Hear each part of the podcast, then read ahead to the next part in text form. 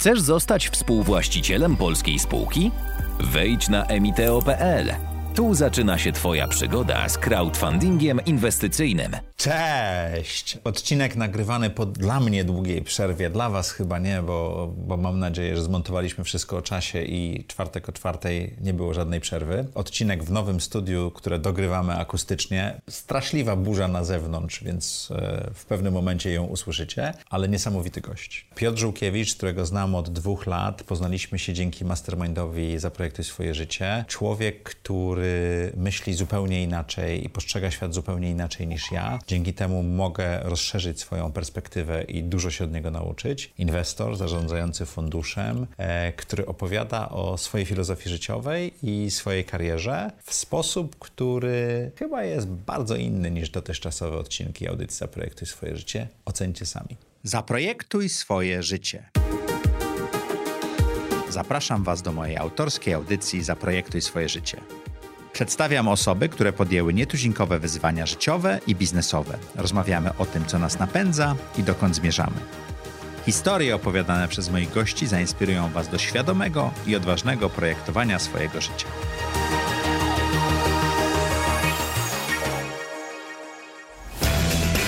Najlepsze zmiany zaczynają się od wewnątrz. Stosuję tę zasadę w biznesie i życiu osobistym. Urządzając nowe studio, zadbałem o to, aby nasze wnętrze było estetyczne i praktyczne. Panele od Good for Wall zapewniają idealne wyciszenie podczas nagrań, cieszą oko i są łatwe w montażu. Sprawdzają się idealnie w studio, w biurze, jak i w domowym zaciszu. Zaprojektuj swoją przestrzeń z Good for Wall.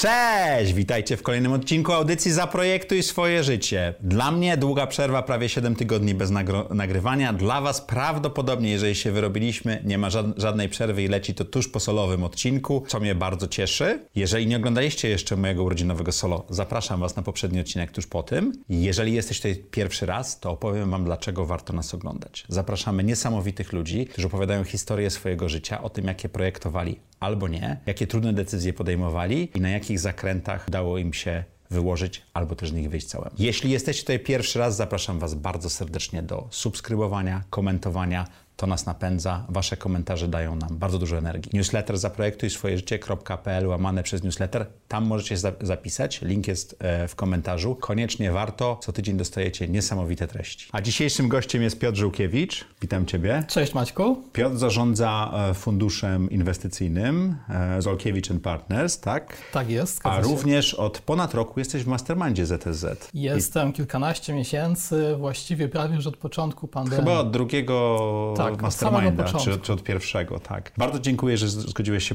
porozmawiać. Masz dość niesamowitą historię. Bardzo często e, prosicie nas, żeby zapraszać ludzi ze świata inwestycji. No i taką osobę mamy. Zobaczymy, co nam się uda dowiedzieć. Maćku, widzę, że naszą rozmowę przygotowałeś e, szachownicę zarówno z pionkami, jak i z, jak i z kośćmi. Z kośćmi tak. E, czyli z jednej strony przemyślane decyzje, a z drugiej strony jakiś element losowości. Nie mhm. wiedziałeś, co wybrać. Zobaczymy, jak ta rozmowa się potoczy. No, ja myślę, że życie za nas wybiera ten elementy losowości. Pytanie, ile uda nam się... Życie nie ma takich prostych reguł jak szachy. Tak, bo tu na ścianie mamy Zaprojektuj swoje życie. Ja przyznam, że twoje odcinki oglądam czy to na bieżni, biegając na, na YouTubie, czy w postaci audio, spacerując po polach mokotowskich od, od kilkunastu miesięcy. Myślę, że jedną trzecią wszystkich materiałów przyswoiłem i z tego, co pamiętam, chyba dwóch gości powiedziało, że projektuje swoje życie a świadomie, a wszyscy prawie, że, że nie da się projektować. To jak to było z tobą?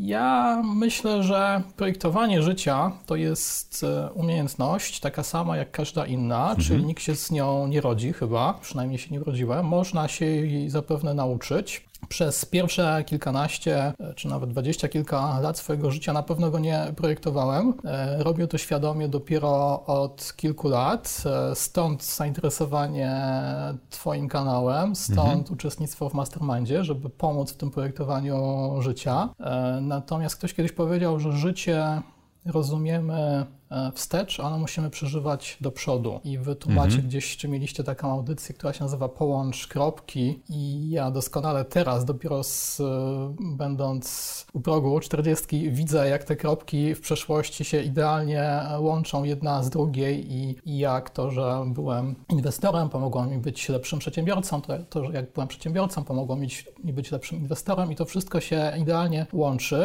Ale A do, nie było takie oczywiste nie, w nie trakcie? było to w ogóle planem, ani trochę nie było to oczywiste, e, więc życie nauczyło mnie, że zawsze wszystko ostatecznie na końcu będzie dobrze i żeby się nie martwić. Jak jesteśmy, staramy się być dobrym człowiekiem, to, to szczęście nam prędzej czy później sprzyja, nawet jeśli chwilowo życie nam daje jakieś, jakieś okropne ciosy, ale one nie są wymierzone w nas personalnie przecież, więc e, no nie projektuję swojego życia e, do tej, do tej pory, ale planuję projektować je w przyszłości i uczę się tego też od Ciebie. Okej. To skąd u Ciebie pasja do inwestowania? No to jest długa historia. A my lubimy długie historie w tej audycji, bo, bo nie, rzadko nam się udaje zrobić odcinek poniżej godziny. To bardzo, bardzo dobrze. Ja ma, ma, mam czas i w ogóle traktuję to zaproszenie tutaj jako takie właśnie pierwsze koło 40 może po, przypomnienie sobie mojego życia, podsumowanie go, co się w nim e, działo. Ja jestem z, to, ta pasja do inwestowania za, zaczęła się jeszcze w moim rodzinnym mieście. Jestem z Chrzanowa, to jest w Małopolsce, ale w połowie drogi pomiędzy Krakowem a Katowicami. To jest miejscowość znana właściwie z dwóch rzeczy. Z reklamy piwa Tyskie, gdzie tam był cytat, że moja babicka pochodzi z Krzanowa e, i z fabryki lokomotyw pierwszej w Polsce, która kilkaset lat, e, no może niecałe 200 istniała i z niczego innego. E, Parędziesiąt tysięcy mieszkańców i ja tam się wychowałem. Pierwsze lata, no jeszcze komu, kom- komunizmie i pa- pamiętam, pamiętam sklep mięsny w, obok, obok naszego mieszkania, Z gdzie, gdzie nic nie było. E, Czasem była śmietana, którą tam e, wtedy e, towarzyszyłem babci, gdy ją kupowała. Tak się złożyło, że gdzieś w ósmej klasie jeszcze podstawówki mama mojego kolegi pracowała w banku. W lokalnym banku spółdzielczym, tam innych za bardzo e, nie było. E, Odwiedzając kolegę, to była taka mama, która surowo wychowywała kolegę, więc zawsze jakby mm, przesłuchiwała wszystkich e, znajomych, siadała przede mną na stołeczku, pytała się mnie, czy się dobrze uczę, czy mam dobre oceny, czy tu mogę się kolegować z jej, sp- synem. sprawdzała ten Power Five w bardzo Tak. młodym wieku, tak? Tak, w bardzo młodym wieku. Później też e, nie tylko wyciągać ode mnie informacje, ale się nimi dzielić, opowiadać o, o swojej pracy, o tym, że, że bank to tak naprawdę handluje pieniądzem, a, a ja wtedy tak, tak jakoś sobie pomyślałem, jak to handluje pieniądzem? To można pieniądzem handlować. E, To mnie tknęło do tego, żeby trochę więcej poczytać, jak banki zarabiają, co one tak naprawdę robią, żeby zainteresować się e, giełdą. E, Czyli to była, była ta ósma klasa podstawówki, pierwsza liceum. Nie miałem 18 lat, nie mogłem mieć rachunku maklerskiego. W całym moim mieście był tylko jeden tak zwany POK, pu- punkt obsługi maklerskiej, wtedy jeszcze banku BPH, już nieistniejącego od wielu, wielu lat. Na mojego dziadka chyba wtedy, jeśli dobrze pamiętam, założyłem konto maklerskie. Ile miałeś lat? Kilkanaście, na pewno jeszcze parę lat do tego momentu, kiedy mogłem to, to, to Czy miałeś na konto siebie. maklerskie na dziadka? E, Tak, E, tutaj za- bardzo, bardzo dziękuję już pewnie, pewnie dawno e, będącym na emeryturze maklerom z tego pokoju, którzy wtedy to tolerowali, bo to jakby w dzi- w dzisiejszym świecie byłoby niezgodne ze wszystkimi możliwymi mm, procedurami. E, Natomiast e, no tak, tak było przez kilka lat, że po, po lekcjach liceum e, prze, przebiegałem przez całe, całe Stare Miasto na Aleję Henryka do tego poku, gdzie wtedy to były takie czasy, że internet to, to tak jeszcze nie za bardzo funkcjonował, więc w telegazecie się sprawdzało notowania, jak się było w domu, albo telefonicznie były takie... Nie wiem, takie czy ktoś jeszcze pamięta tę gazetę, tak? myślę, myślę, że tak, no, słuchają nas do, w wieku. Doświadczenie UX-owe było tragiczne, nie? E, I tam, tam była w tym poku taka społeczność, jacyś, jacyś emerytowani nauczyciele, którzy A już nie, że nie, po, nie, po południu można było porozmawiać po tak, sesji, tam, tak? tam, tam byli ludzie, którzy, ja tam spędzałem czas po szkole, natomiast tam byli ludzie, którzy od rana do, do wieczora tam przebywali, zadymiony od papierosów, zapach kawy od rana do wieczora się unosił i ludzie, którzy tym, tym żyli. Ja no, oczywiście z dzisiejszej perspektywy wiem, że to, co wtedy robiłem, to nie do końca było e, inwestowanie, no ale co, co, co może robić tam nastolatek. To A co to było, jeśli nie było eksperymentowanie, to było Uczenie się? uczenie się. No oczywiście to jakieś tam e, zyski przynosiło, ale to też były takie czasy, że na tej giełdzie trochę polskiej wszystko rosło. E, może nie zawsze, ale, no, ale faktycznie był taki okres w liceum, że, że zarabiałem więcej niż moi nauczyciele i, i to A inwestowanie jaką mnie... sumę zainwestowałeś na początku, Nie, nie, to jakby ja tam jakieś kieszonkowe inwestowałem, tro, trochę, trochę mama mi tam dołożyła, natomiast to były ma, małe sumy, ale Ale udało ci się potem parę tysięcy złotych zarabiać miesięcznie, tak? No bo oczywiście to były różne okresy, ale, ale by, były takie momenty, że, że to było sporo jak na pełnastolatka. I tak, takie są moje początki. A później wybrałem Warszawę na, na A studia. w co inwestowałeś wtedy? Pamiętasz? Tak, to było, to było na, na tak, GPW, pamię- tak? Pamiętam, bo no właśnie, jakby w co, w co mogłem inwestować. Nie znałem języka obcego żadnego. Mhm. W ogóle nawet jakbym znał, to myślę, że, że w jakimś szanowie nie, nie było w ogóle możliwości, żeby jakąkolwiek e, usługę inwestowania za granicą zdobyć i mieć do niej dostęp. Więc inwestowałem na GPW. Spółek było wtedy bardzo niewiele. Można było wszystkie tak naprawdę znać. E, Ten internet no, no już by, był, ale raczkował, więc jakby do naszego poku przychodziły takie grube, papierowe prospekty emisyjne, które można sobie było czytać, żeby dowiedzieć się czegoś o tych e, A do domu spółkach. można było zabrać czytać, czy tylko na miejscu? No, Można, zależy tam ile ich przyszło. Mhm. było dużo, to można było zebrać i odnieść. Jak było mało, to, to może nie. Natomiast e, no, inwestowałem w spółki obskurne, tak? Czyli jakby Obskurne? obskurne, czyli takie, jakie wtedy tylko były na giełdzie, Okej. e, czyli to były, nie, nie było żadnych spółek nowych technologii, Mhm. nie było jeszcze nowych modeli biznesowych, spółek usługowych nie za bardzo. To były często E, były państwowe to- zakłady, które się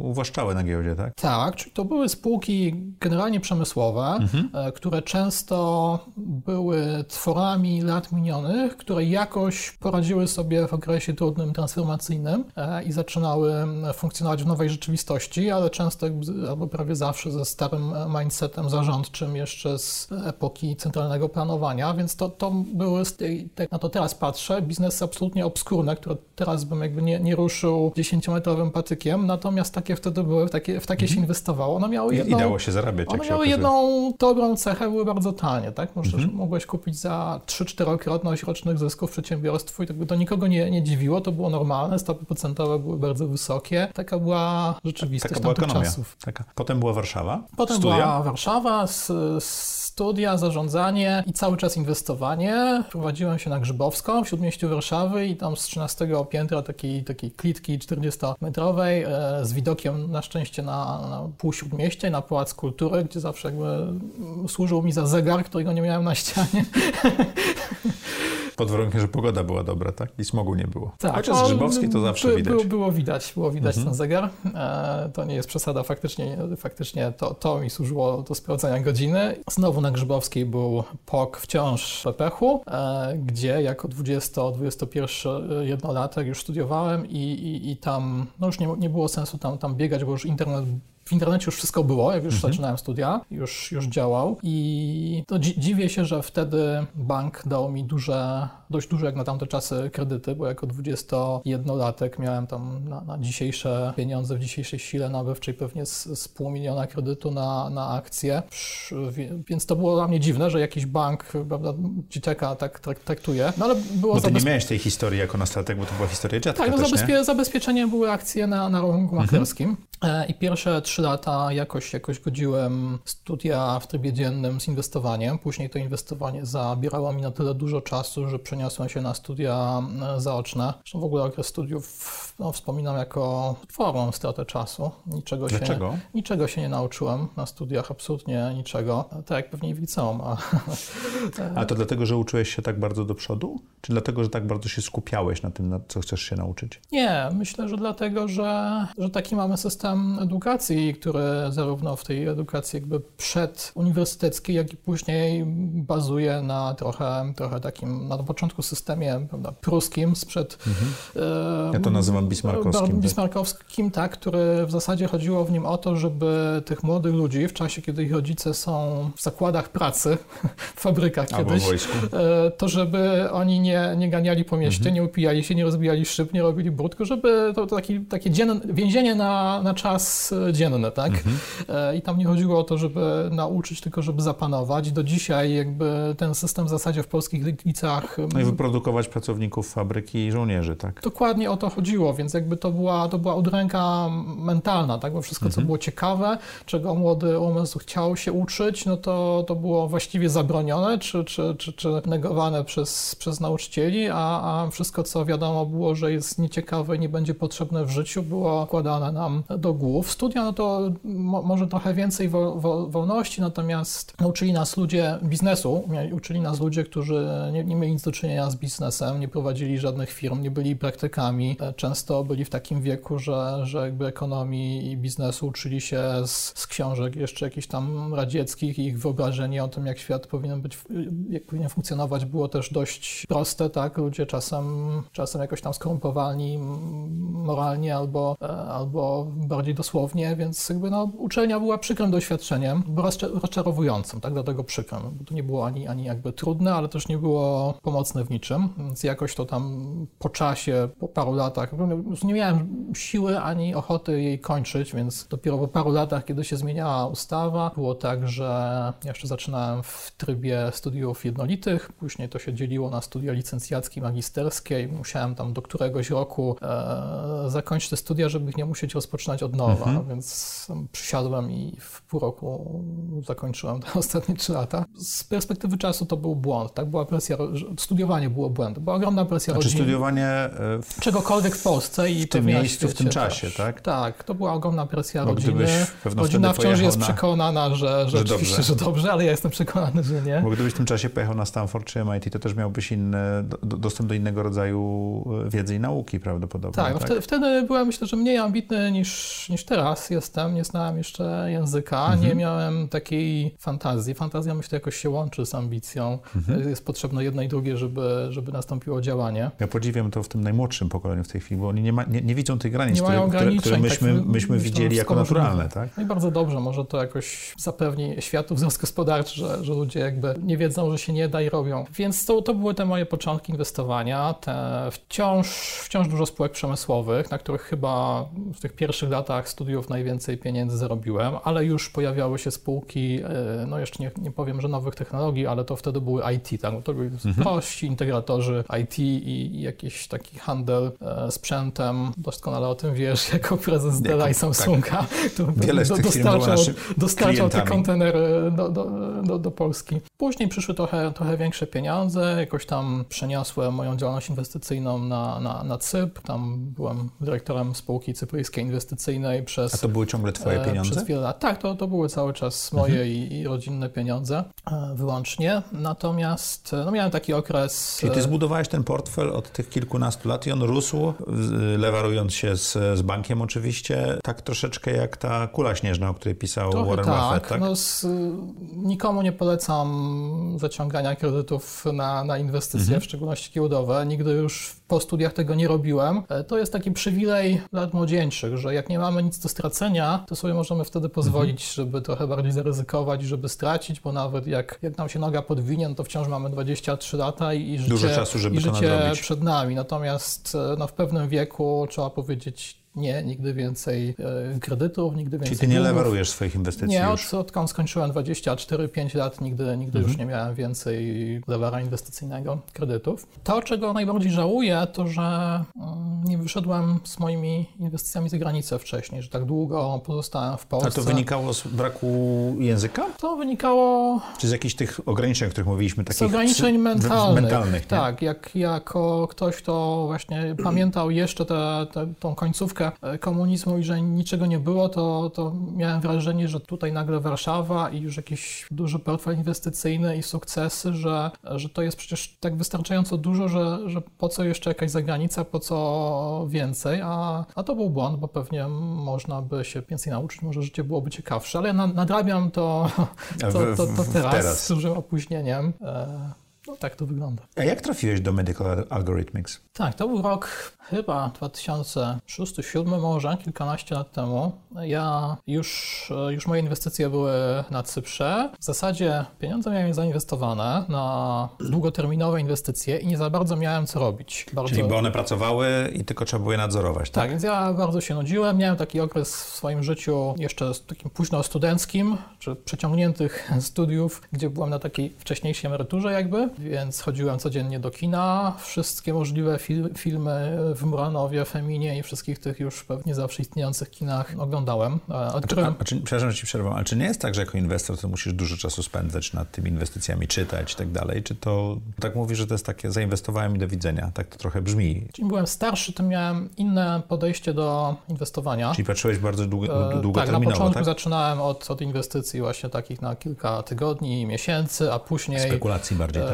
No, kilka miesięcy to już pewnie w dzisiejszym świecie nie jest nazywane spekulacją, ale ja to tak, tak odbieram. E, te, teraz, w tej chwili moje inwestycje są, są raczej na, na kolejne dziesięciolecia czasami. Czyli tak. taki bardziej perspektywa e, Charlie Mangera i Warrena Buffetta, tak? Tak, no nie kupuję, w tej chwili jestem na, na takim etapie życiowym, że nie kupiłbym już firmy, jeśli wiem z góry, że będzie jakiś moment, w którym trzeba będzie ją sprzedać. Czyli kupujesz firmy, żeby być ich właścicielem bez definicji Inwestowanie do kiedy? jest trochę jak e, kolekcjonowanie, tak? Niektórzy kolekcjonują piękne obrazy, inni stare, piękne sportowe samochody, a ja kolekcjonuję firmy i przedsiębiorstwa, e, nie całe, tylko ich kawałki w mhm. postaci jakichś pakietów I to ułamki akcji. bardzo często. Bardzo, bardzo często, bardzo małe ułamki. W zasadzie teraz to już e, promile, bo, e, bo fascynują mnie firmy znacznie większe niż, niż kiedyś. Będąc inwestorem w Polsce i później, do czego pewnie jeszcze przejdziemy, prowadząc fundusz inwestycyjny w Polsce, inwestując na GPW, spotkałem się pewnie z tych 700 e, spółek na, na rynku głównym i niekoniecznie spotkałem się z około 400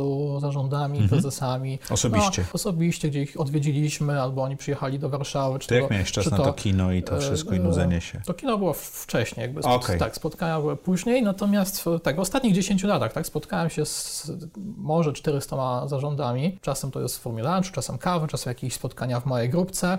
To, co odkryłem, to, że król jest nagi, że nikt z nich, e, oczywiście by, byli ludzie utalentowani w tej, w tej grupie, kilkuset polskich e, przywódców, menadżerów, ale nikt z nich nie myślał takimi kategoriami, jak myślą niektórzy founderzy zagraniczni. Nikt z nich nie myślał kategoriami e, z rentowności kapitału, kapitału wyrażonego w różny sposób, nie tylko pieniądzem, ale też czasem, też talentem. Nikt tego nie liczył, nikt tego mhm. nie, nie mierzył do końca. E, wszyscy chcieli podbić prawda, Mazowsze albo, albo wejść do Wielkopolski, albo podbić Polskę, ale, ale, nie, ale nie było founderów, którzy, którzy mieli strategię na 10 czy 20 lat, taką, którą można wysłowić, którą można zaprezentować. Nie było takich, którzy chcą podbić E, cały świat e, z takimi ambicjami i teraz na obecnym etapie życia nie byłbym w stanie już zainwestować w taką firmę giełdową polską, mhm. która, mm, która myśli tymi kategoriami trochę lokalnymi, trochę z przeszłości. W tej chwili fascynują mnie, tak miałem jako 30-latek na przykład tą, taki etap inwestowania czy zainteresowania e, firmami sasowymi, marketplace'ami, czyli coś, w co, coś, co ja bardzo ty teraz dużo, inwestuję. dużo inwestujesz i myślę, że też jestem już trochę po, po tym etapie, bo to oczywiście są jedne z najlepszych modeli biznesowych, jakie mogą być, ale to, co mnie teraz e, fascynuje, to biznesy, które albo są jakimś rodzajem silnego monopolu bądź oligopolu e, i równocześnie potrafią szybko rosnąć. E, fascynują mnie biznesy duże, wielkie, które nie są jak Titanic, które prawda,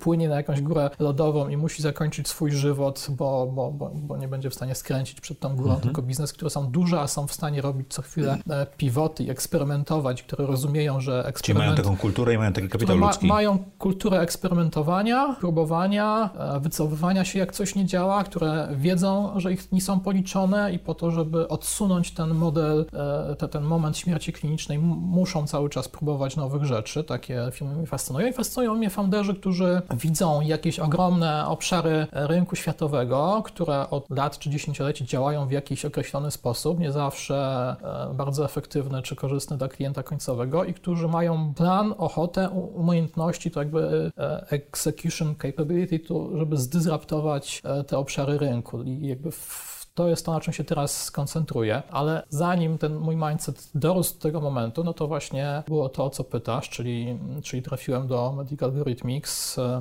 czyli byłem 27-8-latkiem, e, który zainwestował swoje pieniądze w inwestycje długoterminowe, który trochę się już e, nudził, który był introwertykiem, samotnikiem, mieszkającym samemu, którego życie zawodowe do tego momentu polegało w zasadzie na siedzeniu przed komputerem i nie, interakt, nie, nie byciu interaktywnym z innymi ludźmi, tylko praca z cyferkami i z, i z notowaniami i jakoś kształtuje człowieka i postanowiłem coś zmienić w swoim życiu, wyjść do ludzi, poszukać jakiegoś... Czy to była bardzo świadoma decyzja? To była w sensie kształtowania swojej osobowości. To była decyzja z nudów. Dwa, okay. dwa, dwa, dwa razy, jak miałem 23 i 27 lat, nuda mnie do czegoś popchnęła jak miałem 23 lata, próbowałem szukać jakiejś e, pracy. No nie potrzebowałem, bo, bo jakby te pieniądze już e, były, ale miałem takie silne poczucie, nie wiem, czy, czy wyniesione jakby z, z domu, czy z otoczenia, ale, ale nie za bardzo widziałem siebie w, w roli przedsiębiorcy. Nie wiem dlaczego. Myślałem, że mhm. ludzie to powinni chodzić do pracy na te 8 godzin z jakąś teczką e, i tam coś robić pożytecznego i że jak to tak jakby to taki, nigdy taki nie pracować. Społeczny. Tak, taki wdruk, my to nazywamy wdrukiem, to często mhm. to słowo się u Ciebie w mastermindzie będzie pojawiał. Miałem ten wdruk bardzo silny i miałem to ogromne szczęście, za które losowi dziękuję, że absolutnie nikt mnie nie chciał zatrudnić na żadną pozycję, za żadne pieniądze, nawet za, na darmowy staż. Natomiast odbyłem bardzo dużo ciekawych rozmów rekrutacyjnych, więc jak mnie po tych sześciu miesiącach prób nikt nie chciał zatrudnić, no to jakby da, dałem sobie... To, to, ta, ta ochota minęła, tak? Dałem sobie spokój, ten proces mhm. był żmudny, no powiedziałem, no dobra, nie to nie, będę dalej inwestorem i później jakby przychodzi ten wiek 20 to w ogóle ciekawe, bo z, bo z tych firm, z tych firm, które mnie chciał, nie chciały zatrudnić, to później, później dwie trafiły na giełdę, a później się okazało, że ja mogłem sobie kupić za tam jakieś kieszonkowe, e, więc to takie ciekawe doświadczenia z, perspektywy mhm. czasu, tak? I, I właśnie w tym wieku 27-8 lat, jak już byłem znowu wynudzony po raz powtórny, jak już miałem e, długoterminowe inwestycje, absolutnie nie miałem co robić, wszyscy znajomi w ciągu dnia chodzili do pracy, byli zajęci, a, a ja a nie filmów miałem, nie było aż tyle w ciągu nie, tak? No nie było, to jest, to jest problem. Ja nie miałem co ze sobą robić, to ponownie zacząłem szukać jakiegoś zajęcia. Na giełdzie w Polsce też już było trochę drogo, więc też miałem już dużą, jakieś tam inwestycje długoterminowe i dużą część aktywów w gotówce. Zupełnie przypadkiem znalazłem taką firmę Medical Rhythmics, która była od mojego już wtedy kolejnego domu na, na Wilczej, no spacerkiem 10 minut, bardzo, mhm. bardzo po sąsiedzku i to jeszcze przez, przez park się przechodziło, więc tak przy, przyjemnie. I ta firma... Ona nie była na giełdzie. Nie była giełdowa, to był, to był startup. Mhm. To był startup, moja mama jest kardiologiem, a to był startup kardiologiczny, e, więc myślę, że tutaj jakoś sentyment zadziałał, że, że mogę e, się, się spróbować wykazać w startupie mhm. z branży jakoś tam... Ale również zainwestowałeś w ten startup. To była moja pierwsza pierwsza przygoda, gdzie pracowałem z innymi ludźmi. Ja tam okay. zostałem zatrudniony jako ktoś od wszystkiego, czyli taki wiceprezes mm -hmm. zarządu e, z jakimś tam systemem motywacyjnym na, na akcje, bo no, firma, jakby jej akcje w momencie jak przychodziłem nie były nic warte. A nie miała pieniędzy, ani żeby płacić nie miała też żadnych rynkową. pieniędzy. Tak, więc to, to była ciekawa historia, bo tam był taki prezes, e, Marcin Szumowski, z którym później jeszcze po parunastu latach moje, moje życie jakby się przetnie. No ta firma już nie pozwalała mu utrzymać rodziny, bo nie miała, nie miała pieniędzy na, na pensję, więc on trochę się poddał i wrócił do pracy jako naukowiec w Instytucie Naukowym, bo jest fizyki, doktorem fizyki atmosfery, a ja jakby podjąłem tę rękawicę i wszedłem na, na jego miejsce. E, firma miała sześć osób ze mną, chyba mhm. pię, pię, pięć osób było w tym momencie, jak, jak przychodziłem. Nie było już pieniędzy na pensję, e, to już było jasne, tak, że po prostu nie ma pieniędzy na pensję, że one się tam nie, nie skończą za pół roku, tylko już się właściwie mhm. skończą. Ona już była po, po, po zwolnieniach, gdzie z, tam z piętra zrobił się jeden pokój, mniejszy niż to twoje studio, w którym się cała firma e, mieściła. I powiedziałem, no dobrze, no jest to obok domu, nudzi mi się, to spróbuję. Tak? To nie była decyzja racjonalna w tym sensie, że wybierałeś tą firmę, bo to było idealne miejsce, to raczej była próba mienienia swojego życia, prawda? Tak, to była próba znalezienia jakiegoś zajęcia dla siebie. Żeby zapełnić ten czas. Żeby zapełnić I, czas, i, żeby się czegoś nauczyć, żeby, coś żeby nowego... Te komórki czegoś żeby nowego co, coś nowego tak? się zaczęło w życiu dziać, mhm. tak? No i z tej firmy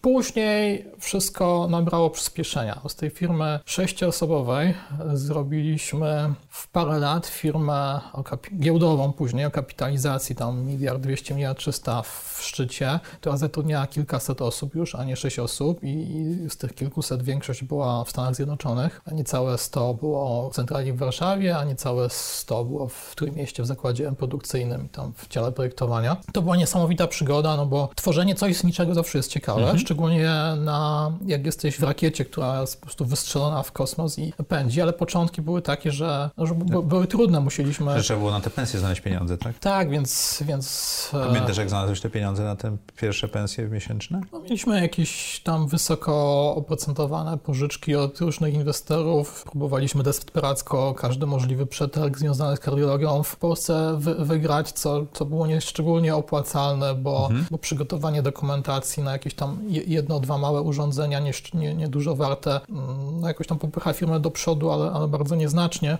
Ostatecznie zidentyfikowaliśmy, że Stany Zjednoczone są rynkiem, którym funkcjonuje coś takiego jak refundacja na usługi świadczone urządzeniami medycznymi, które produkowaliśmy, bo to była firma, która jeszcze jak dołączyłem, to nie miała produktu, miała prototyp e, taki trochę modeliny powiedzmy, mhm. czy, czy z drukarki 3D, który, której wtedy pierwsze tam generacje się po, pojawiały, ale jeszcze nie miała przychodów, nie miała produktu. I jak ten, ten produkt był w trakcie mm, dokańczania i wtedy uznaliśmy, że Stany Zjednoczone to jest ten rynek, gdzie na usługi świadczone tymi naszymi urządzeniami jest dość duża refundacja medyczna, świadczona przez ubezpieczycieli prywatnych i komercyjnych. To w ogóle niewiarygodna historia. Bo w małej polskiej firmie, żeby ja się... Ale, ale jak? Wyobraź sobie, że my... Siedziałem kilka dni w internecie i wyszukiwałem po prostu w Google, e, kto mógłby być najbardziej w Stanach zainteresowany właśnie takim urządzeniem i pisaliśmy takie papierowe, e, ładne e, listy do tych osób. Osób, czy Tak, do, do, do, osób, bo tak mhm. zawsze w każdej firmie staraliśmy się jakąś osobę mhm. odpowiedzialną wytypować, która jest najbardziej odpowiednia, zrozumie, co mamy na myśli, co Czyli nie niekoniecznie prezesa czy kogoś innego, tylko osobę, która... Często prezesa, ale czasem, czasem mhm. jakiegoś tam dyrektora działu i e, osobiście się podpisywaliśmy długopisami na tych ładnych listach, ładny papier, prawda, lizanie znaczków i chyba 40, 40 albo 60 kopert wysłaliśmy e, i czekamy, czekamy i oczywiście każdy, kto nas słucha i, i ma jakieś doświadczenia z takim cold mailingiem, no to wie, że pewnie się żadnej odpowiedzi zadziała. nie należy spodziewać. Wyobraź sobie, że jedna trzecia tych osób e, oddzwoniła na polski numer telefoniczny czyli, do Polski. Czyli ponad 10 osób? E, no od... kilkanaście chyba, tak. No. Jakby to była no, jedna trzecia, tak? Mhm. Tak mi się wydaje. Nie mieliśmy, wydaje mi się, że nie mieliśmy wtedy wykupionego żadnego amerykańskiego numeru. Jakiś polski był chyba podany, więc one po prostu do Polski zadzwoniły w polskich godzinach, żeby dowiedzieć się więcej. Coś absolutnie niesamowitego. Więc jakby ten, jak to się mówi, product market fit był i to, to traction było od samego Czyli początku. jak masz dobry produkt, który pasuje do rynku, to marketing jest e, prosty, bo, bo, bo można zrobić coś tak prostego i szalonego jak listy, tak? które nie powinny zadziałać. Nie tak? powinny zadziałać, Tam tak. Masz pół Z perspektywy, gdyby, gdybyśmy mieli ciut więcej doświadczenia biznesowego, to byśmy tego nie zrobili. zrobili. Tak? Ale rozumiem, że sukcesem było, firmy było to, że to zrobiliście. Tak, i jak ten, ile z tych, jak ten ile popyt tych się... ile z tych kontaktów zamieniło się w biznes? połowa, połowie wystawiliśmy fakturę w kolejnych 3-6 miesiącach, jak byliśmy w stanie wow. wyprodukować. Natomiast to, były, to byli odbiorcy, powiedzmy, hurtowi, tak? Nie chcę wchodzić tam w szczegóły tego modelu biznesowego, ale to nie była sprzedaż do indywidualnych odbiorców, tylko tam jak już w Stanach Zjednoczonych wszystko jest duże, tak? Mhm. Jakby zawsze mnie szokowało, szokowała skala różnych rzeczy w Stanach Zjednoczonych. E, tych, tych, samochody są dwa razy większe, ale też budynki są dwa razy większe. I rynek, a, i rynek ale, jest kilka Ale rynek medyczny jest połową rynku światowego, tak? mhm. tak? To jakby jest nie do uwierzenia, ale wyobraź sobie, że na przykład rękawic medycznych. Połowa wszystkich rękawic medycznych na świecie jest konsumowana w Stanach Zjednoczonych, mimo że to jest jakby tam 5% populacji światowej. Tak? Więc coś absolutnie niesamowitego. I tak samo było trochę w kardiologii, więc jakby grzechem było tam nie Czyli wybraliście od razu największy rynek. I najtrudniejszy, pewnie najbardziej konkurencyjny, tak? Ale, ale, z, z ale to była nisza, to była nisza, więc tam okay. akurat tej konkurencji tak, takiej zawziętej nie było. Jakaś tam była, bo byli, byli gracze giełdowi. Mhm. Jeden, dość, jeden był giełdowy w Stanach na Nasdaqu notowany, nazywał się e, Cardionet, później zmienił nazwę na Biotelemetry i jeden był notowany na giełdzie w Szwajcarii, e, nazywał się LifeWatch. I my oczywiście, no nie wiedząc czym się mierzymy. Zmierzyliśmy się z nimi i 4 albo 5 lat później mieliśmy kapitalizację giełdową większą niż Cardionet na Nasdaqu. Okay. Ale to, to był zupełny przypadek, bo już ten, jak wiedzieliśmy, że ten popyt się pojawił, no to wyzwaniem było zaspokojenie popytu, czyli skalowanie produkcji, no bo jak ma, masz jakby manufakturę, gdzie ludzie ręcznie tam strugają jakieś, jakieś kabelki, złączki, śrubki ręcznie, A masz tego zrobić w setkach czy w tysiącach? E, przykręcają i masz tego zrobić dużo, no to oczywiście nie jest to takie proste, więc jakby e, także software, no software mieliśmy przygotowany na Polskę, a tam wiadomo, że szpitale, system w ogóle opieki zdrowotnej w Stanach wygląda zupełnie inaczej, więc nagle trzeba było zatrudniać jakby na pęczki programistów, którzy to wszystko e, przepiszą na inne systemy, gdzie też się zmieniały technologie, cały czas trzeba było za tym podążać, którzy będą robić te integracje ze szpitalami, z mhm. ubezpieczycielami, ze wszystkim i firma no od tego momentu, i to wszystko działo się w ciągu paru miesięcy, od, odkąd tam dołączyłem i później... Czyli ten, ten start był na Było od razu, tak? było od razu, tak. Usiadłeś, zapiąłeś pasy i lecimy, To tak? był oczywiście przypadek, a nie moja zasługa. Myślę, że bardzo niewielka w tym moja zasługa, ale tak, tak było i później moim zadaniem było, żeby, żeby ta rakieta się nie rozpadła podczas... Operacyjnie. E, podczas e, i, i startu i dalszego mhm. lotu. E, przez kolejne 6 lat kilka razy zmienialiśmy siedzibę. Zawsze nam się wydawało, że kolejną wynajmujemy kilkakrotnie większą, więc ona starczy nam na długo, po czym jak koń, kończyliśmy się do niej wprowadzać, to już wiedzieliśmy, że ona za pół roku będzie za mała, mhm. więc to takie... takie Taki los szybko rosnącego startupu, Taki nie? los tych firm, że mieliśmy kiedyś takie biuro na Żurawie w centrum Warszawy, gdzie na 117 metrach było chyba 44 osoby. Rozumiem, że wszystkie przepisy... Żadne możliwe przepisy BHP oczywiście tam nie działały, wszystkie, wszystkie normy były wielokrotnie przekroczone. Ale więc... rozumiem, że pracownicy byli tak zachwyceni i zaangażowani w rozwój firmy, że to było upierdliwe, Znaczy to ale... wszystko trwało moment, tak? tak? Bo to jakby w, w jednym miesiącu biura. masz 30 osób, w kolejnym masz 40, w kolejnym masz 50 i już szukasz kolejnego biura mhm. i tak dalej, więc później się na szczęście wprowadziliśmy przy, przy dworcu centralnym w Warszawie jest taki biurowiec, który tam kiedyś się nazywał Oxford Tower, trochę później Orco Tower też mhm. i tam na szczęście jak już masz biurowiec, jest 25 pięter, to zawsze na którymś piętrze jest wolna przestrzeń i jak rośniesz, to zawsze jest gdzieś coś do podnajęcia. Mhm. Trochę rozproszone, ale tak, jesteś w stanie to jest, jest winda i oczywiście my tam na start mieliśmy 19 piętro, a później jak się coś tam zwolniło piętro wyżej albo parę piętro niżej, jakieś pokoje, no to wszystko co się zwalniało, to, to braliśmy. Mhm.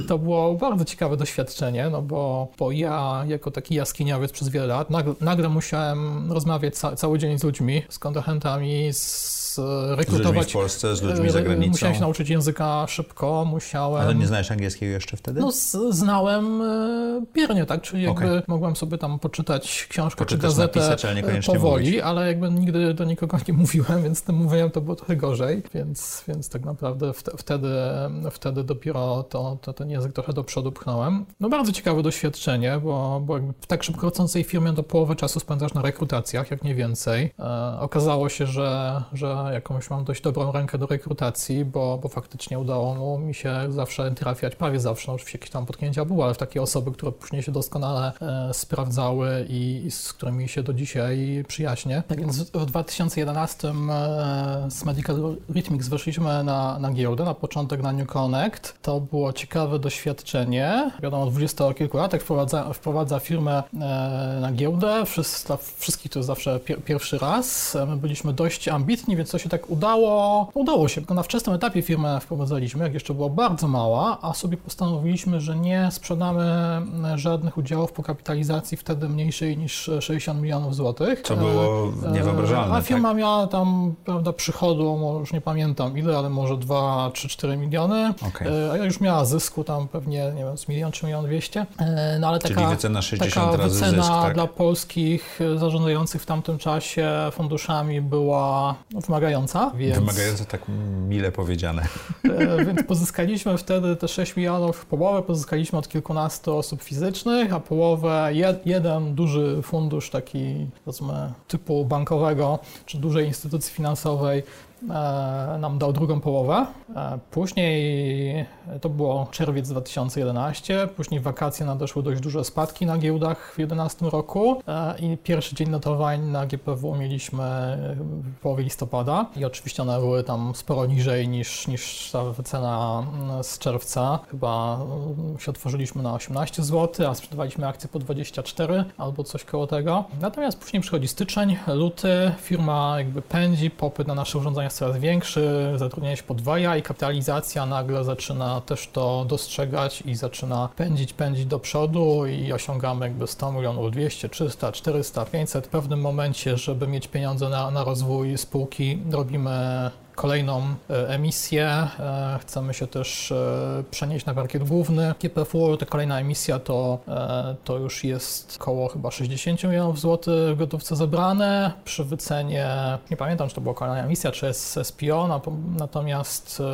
natomiast przy wycenie tam właśnie jakieś już kilkaset milionów albo miliard. Popyt był ogromny, bo popyt, popyt był ponad miliard na tą emisję 60 milionów. Czyli była nadsubskrypcja. Ogromna nadsubskrypcja. Ci, którzy się, te instytucje, które się zapisywały, dostały dostawały mały procent tego, tego co chciały. Czyli ci, którzy podjęli to ryzyko na początku, dobrze na tym wyszli, tak? Tak, no ta, ta spółka stworzyła bardzo, bardzo wielu e, multimilionerów e, wśród tych osób, które zaufały nam na, na początku naszej drogi, czy na, także już trochę później w, w, na etapie New Connectu, mm, więc to jest e, no też miłe wspomnienie, e, mhm. móc e, dać zarobić tylu osobom, który, którym później się zmieniło życie e, mhm. na, na, na, lepsze i które za, zawsze gdzieś tam w, w, tej orbicie naszych myśli czy przedsięwzięć wciąż krążą. Więc tak, no Medical Algorithmics to, to bardzo ciekawa przygoda, ale te giełdowe przygody to były, to była tylko część przygód. Skalowanie firmy i ta rakieta i to podwajanie to się. z ludźmi to, i to, to bycie w operacjach firmy, część prawda? przygód, ale myślę, że taką, takimi najciekawszymi przygodami to były te już blisko końca, jak, jak odchodziłem z, z firmy, e, gdzie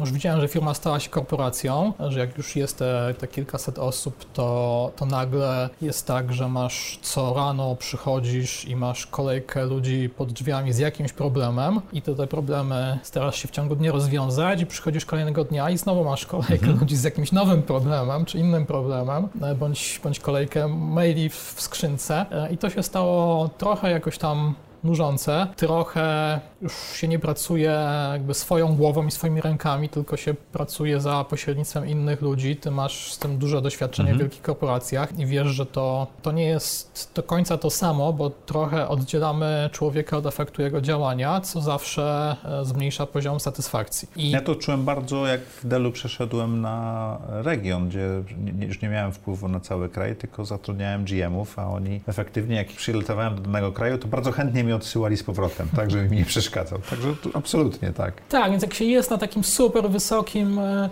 poziomie, to jakby to, to, to życie jest inne. Ja to też jakby obserwowałem, jak mieliśmy ten roadshow New Connectowy z Medical Algorithmics, to, to z, mieliśmy umówione spotkanie z jednym no, z jakichś tam prezydentów, czy tam super ważnych ludzi w Intelu. Nie, nie, nie będę mówił dokładnie z kim. Mhm. E, natomiast no, ten człowiek był po prostu włóczony po, przez swój zespół po, po, po, po, po różnych krajach po Europie. W mhm. Polsce nie wiem ile godzin miał przewidziane, ale jedna z tych godzin była dla nas i on na spotkaniu z nami zasnął. Mhm. po prostu jakby słuchał, słuchał, aż mu się tam oczy jakby zamykały. Już nie, nie, nie miał pojemności. I później jakby no my go nam nie szturchaliśmy za bardzo. E, po pewnym czasie mu się te oczy tam znowu zaczęły otwierać, ale jestem przekonany, że tam 5-10 minut to, nie słyszał, co się mhm. dzieje i tak dalej. I to jest jakby no takie, takie, to pokazuje, co korporacje potrafią z ludźmi zrobić. Czyli twoja tak? decyzja z odejścia z firmy była związana z sposobem czy z jakością pracy, która już nie do końca ci dawała satysfakcję. Tak, tak? naprawdę. To nie była finansowa, to nie była jakaś taka rzecz. finansowa to... w ogóle nie była. Chciałem trochę wrócić do mojej pasji, czyli do inwestowania. Bo ty nie inwestowałeś w tym czasie. E, no cały czas miałem ten wehikuł cypryjski, e, natomiast chciałem e, powrócić do, do inwestowania tak na full etat. Chciałem tym razem wejść na nową, nową drogę życiową, gdzie, gdzie będę mógł inwestować nie tylko pieniądze swoje prywatne, ale też innych ludzi. Żeby to zrobić, no to trzeba było to zrobić robić w ramach jakiejś instytucji finansowej polskiej, która ma wszelkie możliwe pozwolenia KNF-u, która Mhm. jest stworzona do tego, żeby tworzyć i zarządzać funduszami, więc trzeba było wejść w partnerstwo e, z kimś. Czyli chciałeś przejść z inwestowania tylko swoich środków na poszerzenie tej działalności, tak? Tak, bo Jan Kulczyk kiedyś powiedział, że lubi robić duże transakcje, bo na pewnym etapie kwotowym nie ma przypadkowych ludzi. Czyli im większa transakcja, tym... e, tym bardziej kompetentni Mhm. ludzie uczestniczą w tej transakcji, bo ciężej się przypadkiem znaleźć Mhm. wysoko. I ja chciałem inwestować pieniądze innych po pierwsze, żeby mieć e, satysfakcję z tego, że, że zmieniam czyjeś życie na, na To tak jak lepsze. mówiłeś z E, pierwszymi inwestorami Medical Algorithmics, Tak, tak? a po drugie po to, żeby jednak był ten jakby lewar operacyjny, czyli inwestując nie tylko swoje pieniądze, masz jakby większą pulę, więc masz jakby więcej pieniędzy na lepszych pracowników, na lepszy research, na to, żeby bardziej rozwinąć skrzydła i po prostu to przyspiesza ca cały e, proces. No, ale jeszcze wracając do, do Medical Algorithmics, no to, to tak, no, odszedłem z, z tego powodu, też z tego powodu, że się bardzo zmieniła struktura akcjonariatu, weszło dużo e, funduszy emerytalnych e, i tam innych funduszy inwestycyjnych. Czyli Rada Nadzorcza zupełnie inaczej zaczęła Rada działać, tak? nadzorcza zaczęła inaczej działać, akcjonariusze zaczęli mieć inne oczekiwania, spółka i akcjonariusze oczekiwali dywidendy, bo dla mnie dywidenda w firmie szybko rosnącej technologicznej to jest jakieś nie, nieporozumienie, zu, zupełne nieporozumienie. Natomiast no, niektórzy akcjonariusze mówili, no ale z czego będziemy żyć, tak, albo coś takiego, że, że potrzebujemy, że po co wam pieniądze, jak my tutaj lepiej zainwestujemy jako fundusze. W którym momencie był ten moment, jeżeli pamiętasz, że postanowiłeś, że to już jest koniec i ta praca już nie jest tym, co sprawia ci tyle satysfakcji czy przyjemności? Czy był, był jakiś taki moment, czy to była seria zdarzeń? To był oczywiście proces, ale, ale pamiętam na czym polegał, e, czyli bardzo zmie- zmienił się skład akcjonariatów Medical Algorithmics. Akcjonariusze już oczekiwali czegoś e, innego. Dużo funduszy emerytalnych oczekiwało konserwatywnego podejścia do rozwoju biznesu, dywidendy. Biznesu szybko rosnącego E, ciągle. Tak, więc ja chciałem inwestować w R&D, robić przejęcia. Mieliśmy, mi- był taki moment, że mieliśmy mm, na koncie tyle gotówki, że bez problemu z jakimś tam małym kredytem bankowym mogliśmy naszego konkurenta W Stanach kupić. przejąć, który no, był przez moment niżej wyceniany niż my. W grudniu 2020 przez e, Philips Healthcare został kupiony za 3 miliardy euro chyba, E, więc gdybyśmy to wtedy zrobili, to- to, to, było, to byłaby największa medyczna firma w polskiej historii. E, Więc ja wtedy zacząłem, po pierwsze, no nie było zgody na taki rozwój, ja- jaki Mhm. ja, ja chciałem, więc zacząłem zajmować się też innymi rzeczami, zainwestowałem swój czas w branży energetyki odnawialnej, w branżę wiatrową. Gdzieś poza firmą już. Po, poza firmą e, były jakieś inwestycje software'owe, które chciałem w ramach e, firmy zrobić, na które też nie za bardzo było zgody, więc swoje pieniądze tam zainwestowałem. E, No i wszystkie te firmy później stały się kilkadziesiąt razy większe. Jedna jest w portfelu dużego polskiego funduszu e, Private Equity w tej chwili za, za księgowana na prawie półtora miliarda, a my ją mogliśmy kupić za 20 milionów. Ja tam jakiś mały pakiet sobie tej firmy wtedy kupiłem. E, Więc to, to był taki proces wielu zdarzeń, e, które sprawiały, że coraz e, mniej fajnie w tej korporacji już zaczyna się dziać. Że A ile czasu ci to zajęło? Pamiętasz ten okres? to było tak, że ja ba- bardzo nie chciałem nikomu robić problemu i chciałem e, znaleźć osoby na moje miejsce. Więc po pierwsze przygotowanie, że zainicjowanie powstania jakiegoś funduszu inwestycyjnego nie jest takie proste, to, to jest wielomiesięczny proces, taki prawny, administracyjny, e, a po drugie no, na, na, na moje miejsce zatrudniłem trzy inne osoby, czyli moje, moje kompetencje rozdzieliliśmy e, Na trzy role. na trzy role, tak, i został zatrudniony jakby osobny dyrektor operacyjny, osobny finansowy i osobny prawny i mieli Mhm. takie swoje tam trzy działy i, i swoich ludzi, a to jakby z rola, którą ja wcześniej jakby samodzielnie pełniłem i to, to miała być taka dywersyfikacja trochę ryzyka, bo nie wiedzieliśmy do końca, które z tych osób się sprawdzą, mniej, a które bardziej. Ostatecznie jakoś tam dwie trzecie się sprawdziło. To wszystko, te, ta rekrutacja, to, to nie jest tylko rekrutacja, ale też jakby przeszkolenie tych Mhm. osób, zostanie jeszcze kilka miesięcy, upewnienie się, że, że one sobie dają radę. Więc... No ty byłeś również akcjonariuszem, więc nie chciałeś po prostu wyjść, tylko chciałeś dobrze to przekazać, tak, tak? więc to wszystko trwało no, rok, może kilka wiele miesięcy, tak? Może, może nawet więcej. Ale w tym samym czasie startowałeś fundusz, tak? Trochę tak. Pod koniec mojej przygody z Medical Algorithmics e, jeszcze było me, mega ciekawe wydarzenie. Wrażenie, ponieważ ja już w zasadzie byłem na wylocie, przygotowałem się, żeby przejść do Rady Nadzorczej, do której mhm. ostatecznie przeszedłem w 2015 roku. Wydaje mi się, że w połowie 15 roku przyszedłem do Rady Nadzorczej w wakacje i spółka w tym, właściwie już po, po moim odejściu za, zarządu, wplątała się w różne przygody prawne w Stanach Zjednoczonych, gdzie mieliśmy e, firmy kopiujące naszą technologię. Mieliśmy, produkowaliśmy urządzenia medyczne, więc to był jakiś tam IP, software i tak dalej i no, niektórzy z naszych klientów powiedzieli, myśleli sobie, że to ta, taki świetny biznes, tak dużo pieniędzy tutaj do Polski muszą nam przelewać, czemu by sobie tam z MIT i innych uniwersytetów nie zatrudnić jakichś profesorów z asystentami, żeby, żeby skopiowali tą technologię i tak się, tak się działo. Mhm. E, ich pracownicy donieśli nam tutaj w Polsce, że tak się dzieje i my postanowiliśmy, spółka wtedy postanowiła pójść na wojnę prawną. E, w Stanach Zjednoczonych jest tak, że procesy wygrywa ten, kto ma więcej pieniędzy e, i droższych prawników, więc wzięliśmy najdroższych prawników, jacy byli w Nowym Jorku, których później no, tak wagonami Amtraku woziliśmy do, do Wilmington w stanie Delaware, gdzie była większość rozpraw. I ja tam też parę razy musiałem pojechać. Ja nigdy w życiu nie miałem czegoś takiego jak e, jeżdżenie na wakacje albo jak urlop. Mój mhm. urlop przez lata w Medical Trotnis polegał na tym, że mówiłem wszystkim, że mam urlop, po czym normalnie przychodziłem do pracy na dziewiątą i mój urlop polegał na tym, że wychodziłem nie tam o 22 czy 3, wychodziłem o 15 albo 16 i później sobie już coś czytałem w domu i to był mhm. mój urlop, tak? Nigdy nie byłem... I, tak, I to ci wystarczało? To mi wystarczało, więc nigdy, nigdy nie leciałem samolotem na przykład. Przez do 30 tam któregoś Pierwszy roku życia. samolotem do w 30 którymś roku życia? Tak, okay. tak. I bardzo nie chciałem i to było tak, że byłem... A to po... był kwestia strachu, to... czy kwestia... Nie, nie, nie miałem potrzeby. Okej. Okay. Nie potrzeby, bo, bo to mi było dobrze, po co miałem gdzieś lecieć, tak? I e, jak były te, te, procesy sądowe, to byłem potrzebny na świadka. Ja bardzo mhm. nam nie chciałem lecieć i być tam świadkiem i zeznawać, e, więc ci prawnicy z drugiej strony tutaj pisali jakieś list, listy do Ministerstwa Sprawiedliwości w Polsce, żeby tutaj w, jakiej, w ramach jakiejś tam super wyjątkowej procedury przesłuchać mnie w Polsce. Po czym się okazało, że ci prawnicy, co, e, na, na, nasi, mogą przyjechać do Polski, tutaj uczestniczyć w moich zeznaniach, ale będą brali pieniądze nie tylko tylko za podróż, ale też za czas, jak śpią, czyli nie tylko 8 godzin w ciągu dnia, ale te 3000, 20, 3000 dolarów za godzinę za leci godziny za 24 godziny na dobę, nie, nie, tylko jak pracują, ale też jak śpią i tak dalej, to się tam Rozumiem, że to cię przekonało. E, to, to mnie przekonało, no bo spółka, spółka, gdzie jeszcze byłem akcjonariuszem, gdzie, gdzie jakby było dużo moich przyjaciół i kolegów i no nie mogę im tego zrobić, że ja nie Bilet polecę. biznes klasą stał się nagle bardzo tanią opcją, tak? No akurat nie leciałem biznes klasą, ale, e, ale jestem mały, więc, więc nie potrzebuję zupełnie. I ta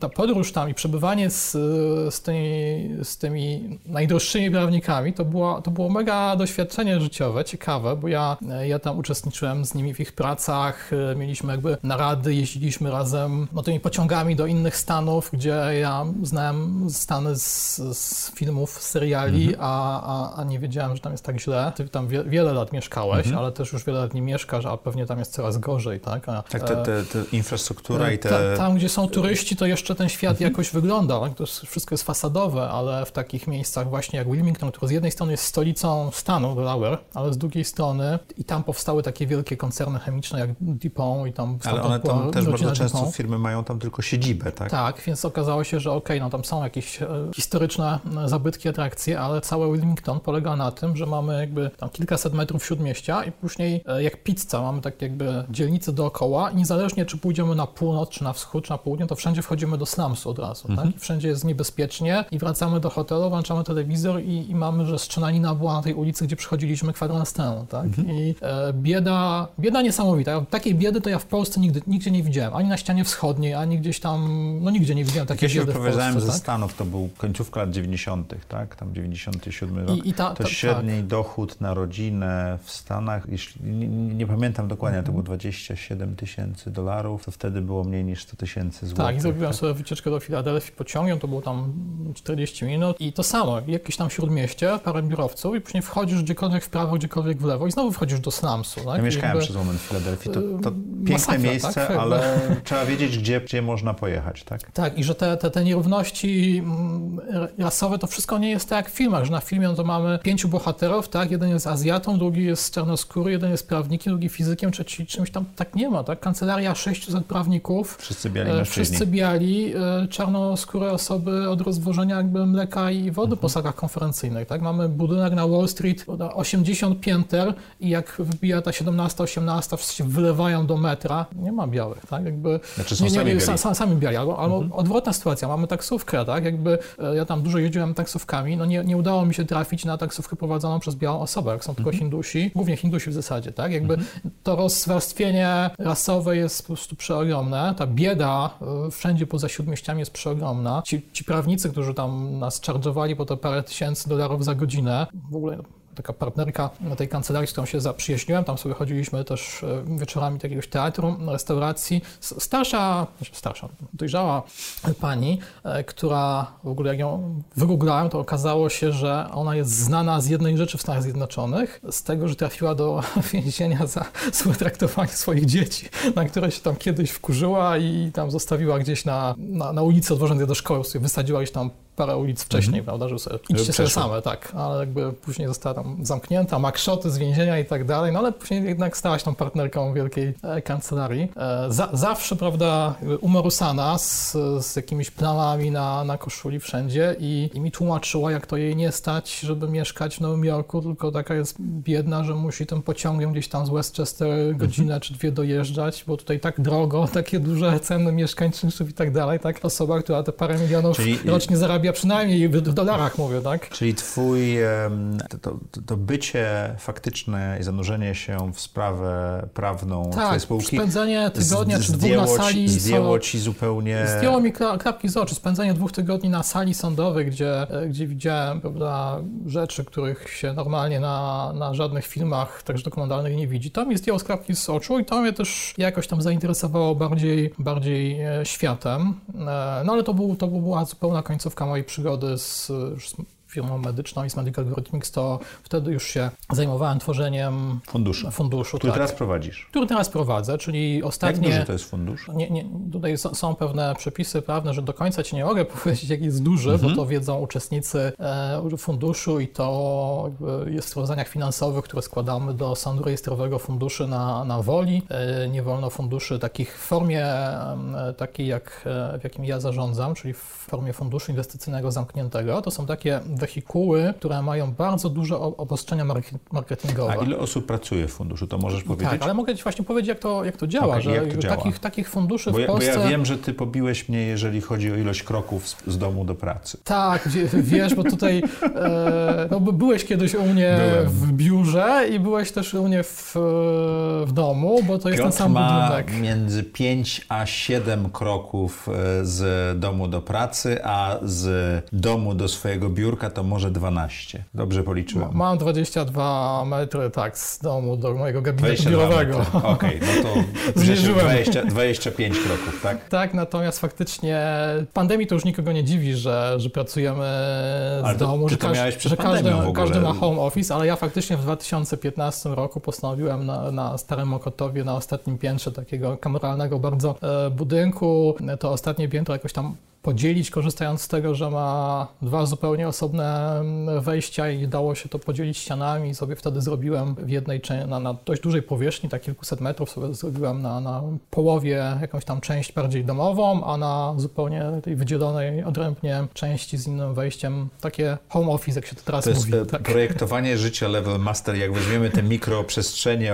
i mikro setupy, o których mówiłem w odcinku Ale solo, to, to za, za to- tym akurat stoi bardzo jasna kalkulacja, tak? Bo ja wielo, wielokrotnie, z- zawsze wszystkie biura Medical Rhythmics krążyły wokół mojego domu, tak? Niezależnie gdzie były, to jakby ja mieszkałem na Wilcze i jedno biuro najpierw było tam paręnaście minut na, na południe, później drugie było na Żurawie i My też... nie, nie lubisz marnować czasu na dojazdy. wszystkie były 10 minut pieszo od, od mojego domu Mhm. na Wilczej, tak sobie krążyły dookoła i ja zawsze miałem policzone, że, że większość warszawiaków, nawet jak dojeżdża te 30-40 minut w jedną stronę do pracy, no to jest półtorej godziny dziennie, a ja pracuję codziennie, w weekendy też, no to mamy jakby kilkaset, no nawet blisko czasami duże kilkaset pod tysiąc godzin rocznie. To jest ogromna część naszego mhm. życia, tak? To jest paręnaście godzin, paręnaście procent tego nieprzespanego życia. E, tracimy nie na możemy być specjalnie produktywni, czasami możemy do kogoś zadzwonić, ale to nie tak, jest... no ale to jak przeliczymy te, te, te paręnaście procent naszego życia na, na pieniądze, e, no to się okazuje, że, że warto tak naprawdę każde pieniądze zapłacić, żeby mieć blisko to, do pracy. Ja mam tak? często takie dyskusje, czemu jestem w ZHP, a nie w jakimś fajnym e, tak, budynku w centrum. przez park jesteś w domu. Tak? Ja mam bardzo przyjemny spacer, znaczy teraz nie mam spaceru, bo czekam aż mi się noga wyleczy, ale to jest dokładnie to, to jest 800 metrów, 850 metrów i jestem w domu. Tak? E, dobrze, porozmawialiśmy o krokach, a mnie bardzo interesuje, jak ten twój fundusz wygląda, z tego co możesz powiedzieć i jak doszło do tego, że go założyłeś i, i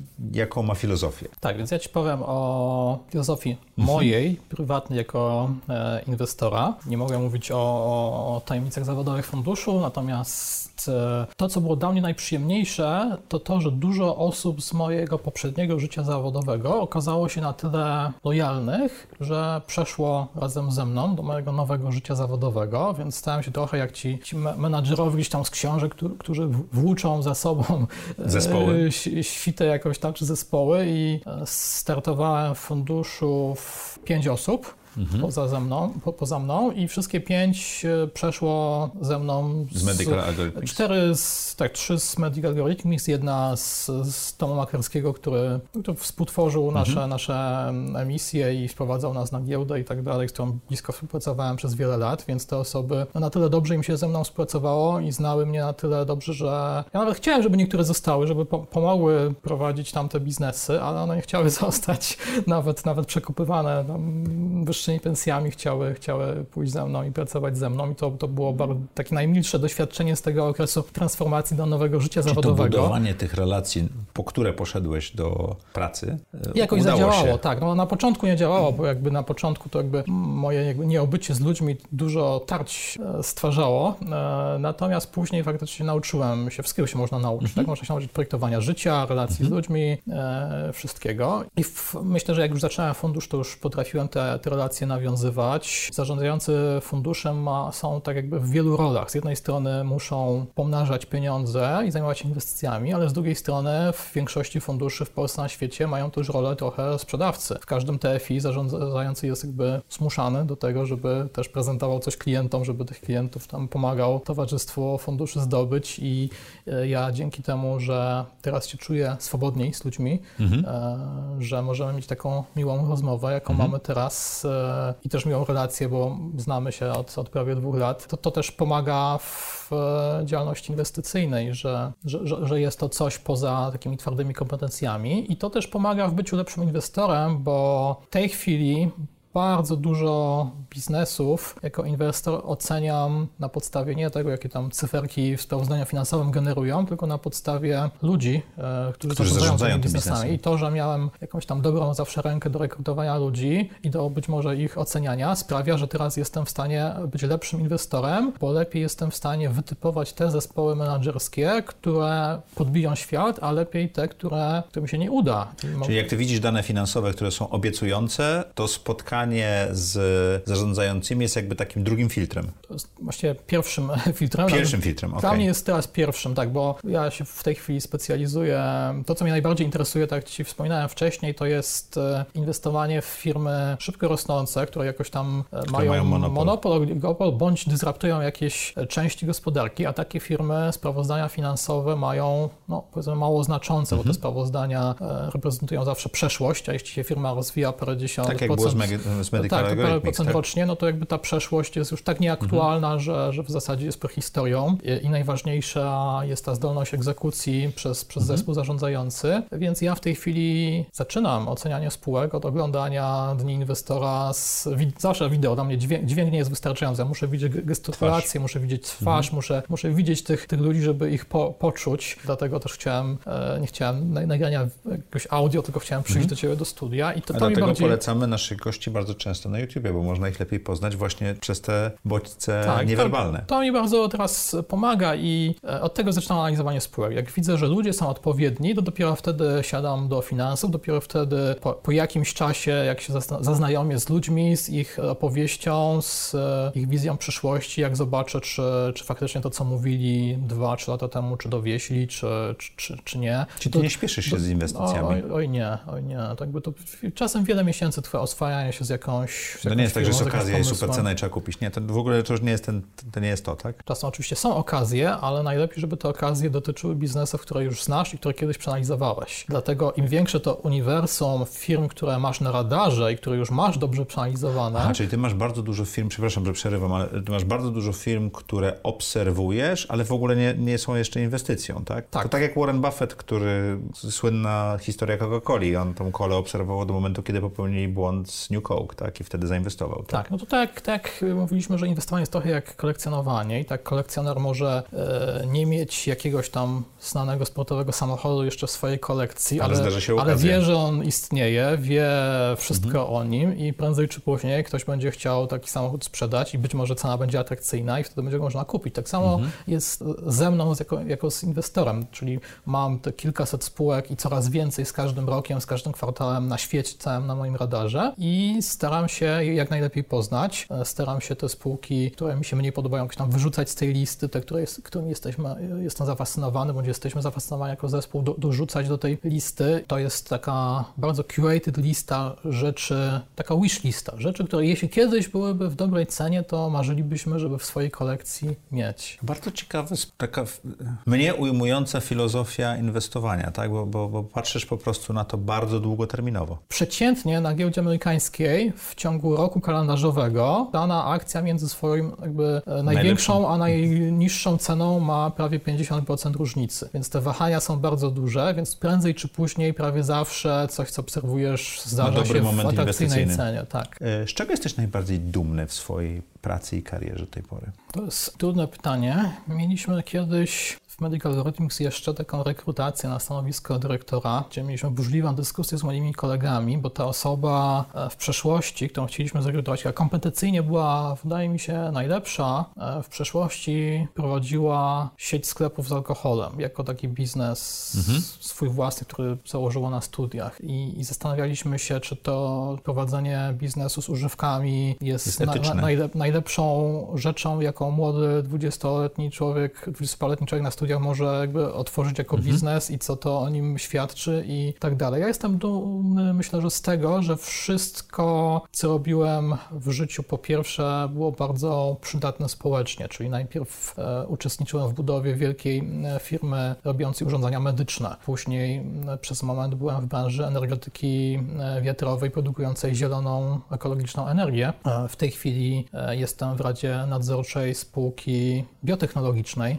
Onco R&D Therapeutics, która jest właściwie też spółką giełdową o kapitalizacji kilkuset milionów i tam ten biznes rozwinąć, pomog pomogłem go wprowadzić na giełdę, więc jakby wszystkie rzeczy, którymi się w życiu zajmowałem, mam poczucie, że są przydatne społeczeństwu i nie wiem na ile to do końca był świadomy wybór, czy, czy podświadomy, ale tak się złożyło i z tego jestem, może nie dumny, ale z tego jestem zadowolony, że tak wyszło. Jestem e, zadowolony, że wszystko, co robiłem biznesowo, zawsze się udawało. To nie, nie, zawsze pierwszy, pierwszy plan wypalił, czasem, czasem jakieś rozwiązania awaryjne, czasem rozwiązanie mhm. C czy D, czasem były potrzebne pivoty, ale ostatecznie nigdy e, w działalności jakiejkolwiek, ani tej operacyjnej, biznesowej, ani inwestycyjnej nie, nie było takich niepowodzeń czy wpadek, które nie przerodziłyby się ostatecznie w sukces. Zawsze na końcu wszystko kończy się dobrze i to, to daje mi bardzo dużą dawkę spokoju, że tak jest i z tego jestem zadowolony. A najważniejsza lekcja, którą wyciągnąłeś z tych biznesów, czy też porażka, jeżeli chcesz, ale to chodzi mi o tą lekcję z tej porażki. Ograniczenia są tylko w naszych głowach. Jest możliwe mhm. osiągnięcie właściwie wszystkiego, co, co sobie umyślimy, e, że sukces jednak można zaplanować. Teraz dopiero wkraczam w ten, od paru lat w ten etap życia, kiedy planuję swoją przyszłość i planuję swoje dalsze sukcesy. Jestem teraz na ścieżce kariery inwestora. Wydaje mi się, że to jest już jakby ostatnia i najdłuższa ścieżka ścieżka w moim życiu, która, która może potrwać kilkadziesiąt lat, bo to jest zawód, który nie dyskryminuje ze względu na wiek. Można mieć 70, 80 lat, być wciąż świetnym inwestorem, a być może nawet lepszym niż kiedykolwiek się było, bo jednak przez całe życie kumulujemy te wszystkie mhm. doświadczenia, zarówno biznesowe, jak i ludzkie i po prostu stajemy się mądrzejsi, przynajmniej jeśli się bardzo staramy. E, I myślę, że to ma szansę pomagać w byciu dobrym inwestorem. Pierwszy jest taki moment w audycji Zaprojektuj swoje życie, że jak słuchasz, to wiesz, przechodzimy do paru bardzo powtarzalnych pytań, żeby lepiej poznać osoby. Słuchałem ostatniego odcinka z Maćkiem Orłosią i właśnie w tym momencie powiedział, że miło to już było. Miło to już było, tak? Tak, także miło to już było, a teraz będą te szybkie i trudne e, pytania ZSZ. Czy możesz opisać najlepszą decyzję, jaką podjąłeś w życiu? Najlepsza decyzja to jest, jestem przekonany i mam ogromną nadzieję, że jest jeszcze przede mną, ale z tych dotychczasowych to myślę, że ten 2015 rok, odejście z korporacji medycznej i założenie mm, własnego funduszu najbardziej pomogło mi się rozwinąć jak do tej pory. Wyjście później na, na, na świat, inne mhm. kontynenty z, z inwestowaniem, poznanie nowych modeli e, biznesowych, nowych osób, to, że teraz jakby codziennie nie wykonuję już jakiejś tam pracy menadżersko-biurokratycznej, tak w korporacjach na wysokich stanowiskach jest, tylko codziennie siadam, czytam i uczę się o nowych osobach, o nowych firmach, nowych modelach biznesowych, to mi daje spokój, to mnie rozwija, to przynosi dużo pieniędzy e, i to mogę robić przez kolejne kilkadziesiąt lat i z tego jestem najbardziej zadowolony. A co daje Ci najwięcej energii czy satysfakcji w życiu? Uczenie się. To nawiązuje do poprzedniego punktu, czyli to, że mogę, mam tak ułożone życie, bądź mhm. zaplanowane, jak niektórzy powiedzą. Zaprojektowane. Albo zaprojektowane, że, że w zasadzie mój kalendarz, jak się przekonałeś wielokrotnie, jest, jest pusty. E, pusty. E, w moim kalendarzu oczywiście jest dużo rzeczy, ale to są rzeczy mobilne. Tak? Tam jest mhm. wpisane jakby rano gimnastyka, po południu spacer i wciągnięcie dwóch podcastów bądź książek na, na polach marketorskich, a w ciągu dnia mam po prostu jakby czas na czytanie, na poznawanie e, nowych firm i to jest, to mi najwięcej satysfakcji daje. Więc moje życie jest w tej chwili tak zaprojektowane, żeby, że jestem z tego zadowolony. To jest problem z zadawaniem pytań słuchaczom, którzy znają audycję, bo już, już odpowiedziałeś na połowę następnego pytania, czyli jak wygląda twój typowy dzień. Tak, to faktycznie, faktycznie odpowiedziałem, ale nie mam typowego dnia, czyli to jest coś, co chyba połowa, ponad połowa, mhm. większość osób mówi u ciebie. Natomiast czym różni się mój typowy dzień od może innych typowych dni innych ludzi? Od tym, że u mnie cały rok jest taki sam. Ja nie mam tych okresów jakby wakacji, urlopów, nie ma, nie, nie wiem jaki A jest nie, dzień. Nie, nie spędzasz wakacji, nie, nie wyjeżdżasz? Mm, nie, jakby, bo ja wiem, że to jakby jest głupie, tak, tak wręcz powiem. Dlaczego natomiast, głupie? natomiast e, zawsze myślałem, czy miałem takie odczucie, że jak ktoś jedzie na wakacje, a szczególnie ci ludzie, którzy tam nie mogą się doczekać tego sierpnia, lipca mhm. i tak dalej, że, że oni jednak mają coś nie tak w tym życiu w ciągu roku, że czekają na te dwa tygodnie tego innego życia, że jednak życie powinno być na tyle zaprojektowane dobrze i satysfakcjonujące, że nie czekamy na jakiś lepszy moment, tylko że każdy moment jest tym lepszym momentem. I ja zawsze dążyłem do tego, żeby sobie tak ułożyć moje życie, żebym nie potrzebował tych wakacji. Myślę, że to mi się jakoś udało, więc to, to myślę, że mnie odróżnia. Nigdy nie wiem, jaki jest dzień tygodnia, zawsze się... Ale wszyscy, wszyscy pracownicy się ze mnie naśmiewają, że, że nie wiem, czy jest wtorek, czy zawsze w piątek mówię, że widzimy się jutro, bo, bo nie wiem, że jest sobota, oni się oburzają, że jak jutro.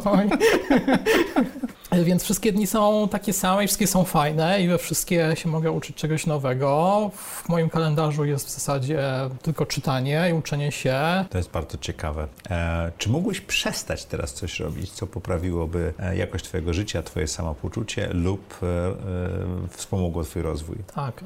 Nawet mieliśmy o tym chyba rok czy dwa lata temu taką krótką mhm. rozmowę i odpowiedź jest wciąż taka sama, e, czyli każdy z nas ma jakieś takie momenty tygodnia życia, że że do, dopada go ta przykra codzienność, typ biurokracja, podatki, umowy prawne i tak dalej. Nieważne, ja to nazywam administracja. Tak zwana administracja. Nieważne, ile mamy osób, które nas w tym odciążą, czy tam sobie wynajmiemy jakichś doradców podatkowych, prawników, zawsze ostatecznie jest mhm. jakaś umowa, którą musimy przeczytać, jakieś rzeczy, Bo na które, my ją które, musimy, które musimy podpisać i no, niestety ja działam w branży bardzo, bardzo regulowanej, gdzie administracji, procedur i przepisów jest cała masa ja nie mogę ich nie znać, nie mogę niektórych rzeczy nie czytać i nie podpisywać i to jest ta, ta gorsza część dnia. Myślę, że ona nie, nie przekracza kilkudziesięciu minut na dobę. Czyli mógłbyś, ale nie mógłbyś tego wyłączyć chyba. Chciałbym, ale jeszcze nie wiem jak. Okej. Okay. Jaką masz supermoc? Moją supermocą jest ciekawość. Ciekawość świata i, i myślę, że nie można być dobrym albo na, bardzo dobrym menadżerem czy inwestorem, jeśli nie mamy ciekawości, bo wtedy nie mamy energii i motywacji, żeby tą kolejną stronę czegoś przeczytać i się dowiedzieć e, i wtedy nie przeczytamy tyle, ile ktoś inny przeczyta. Nie zrobimy tak głębokiego researchu, jak, jak zrobi ktoś, kto ma tą pasję i ciekawość, e, więc myślę, że to jest moja supermoc. Ta supermoc ma też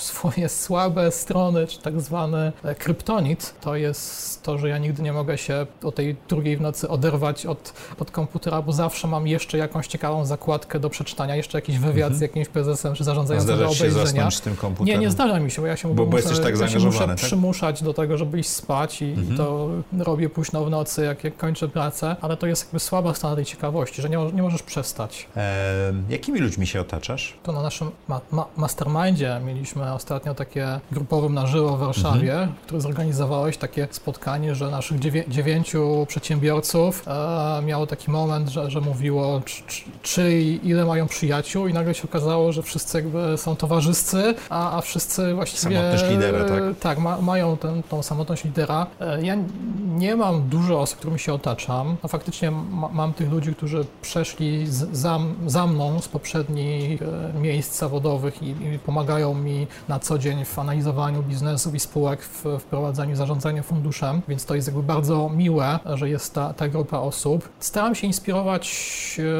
e, niekoniecznie osobami, które znam. Najbardziej inspirujący są dla mnie przedsiębiorcy, którzy bardzo szybko osiągnęli see sukces, który w jakiś sposób definiuje na nowo to, jak wygląda świat. Na pewno ludzie pokoju mhm. Bezosa, ale też pamiętam cytat Charlie'ego Mungera, partnera Warrena Buffetta, który kiedyś powiedział, że warto, aby pamiętać o tym, aby nie inspirować się tylko ludźmi żyjącymi, bo mhm. wielu z tych najlepszych już nie ma z nami, a ale są ich dzieła. Są ich dzieła i są ich lekcje życiowe, mhm. ich doświadczenia. I to niekoniecznie nawet 50 y, lat temu, to może być 2000 lat temu te osoby, tak? tak. Bo to ta mądrość pozostaje zostaje. Tu się akurat zgodzę. Jesteś w mastermindzie, zaprojektuj swoje życie już prawie dwa lata. I czy ty, ci ludzie, ta grupa dziewięciu osób, to jest też dla ciebie ważna jakaś e, grupa? Teraz, teraz tak i z każdym miesiącem coraz bardziej. Przyznam, że nie miałem żadnych e, oczekiwań.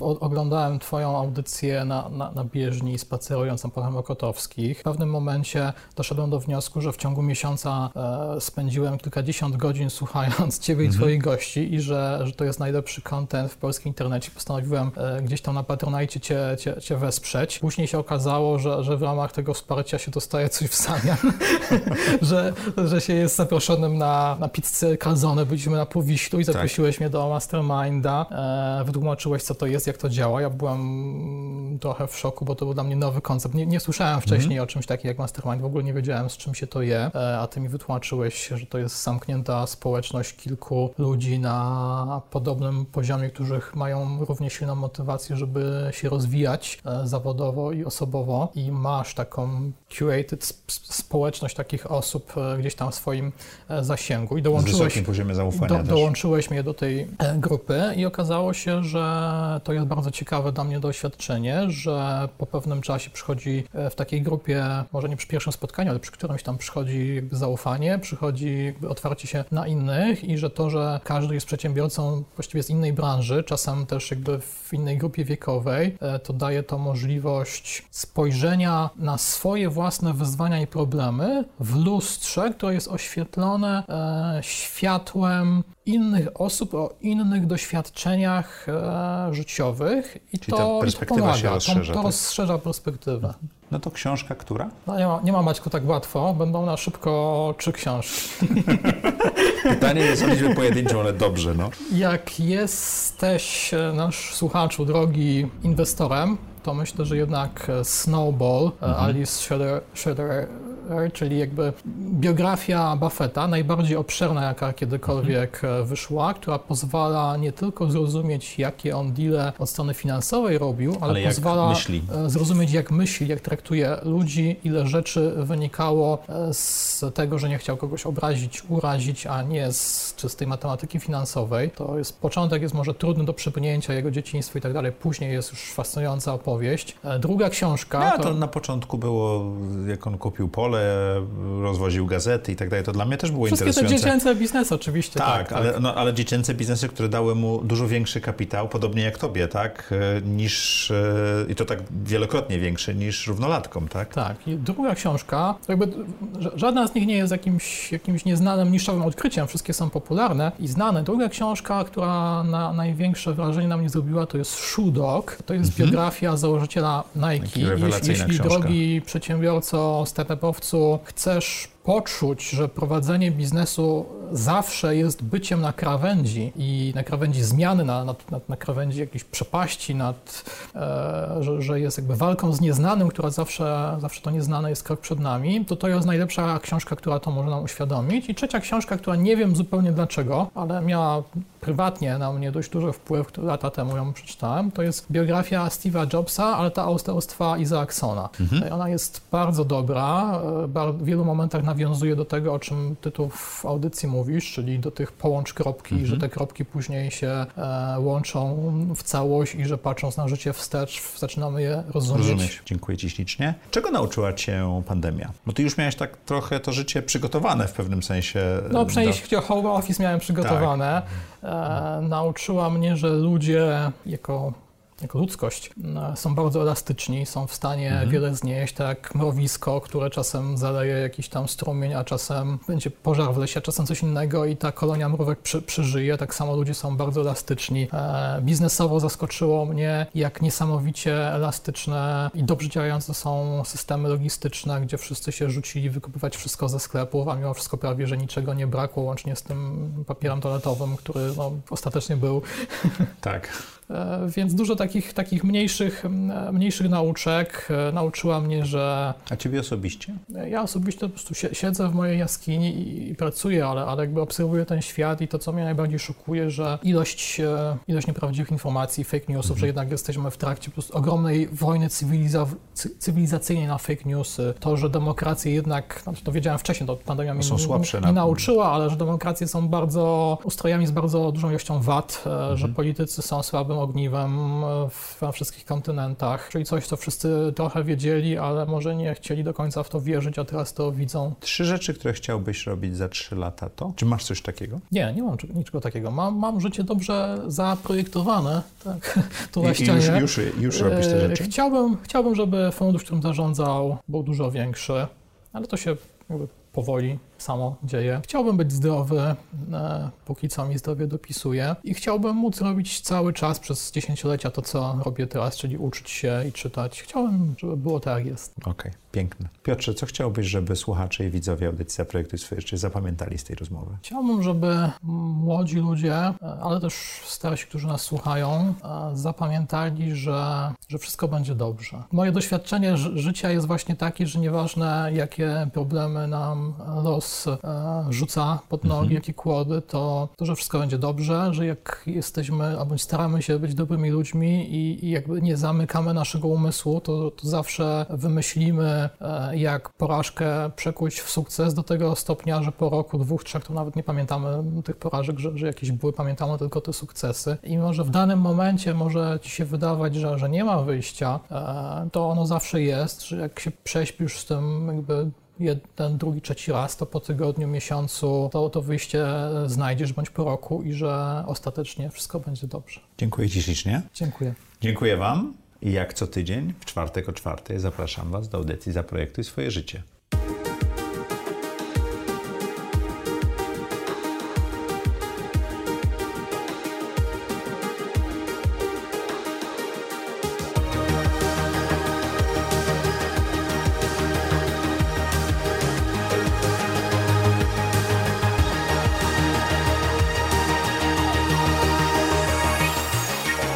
Zaprojektuj swoje życie.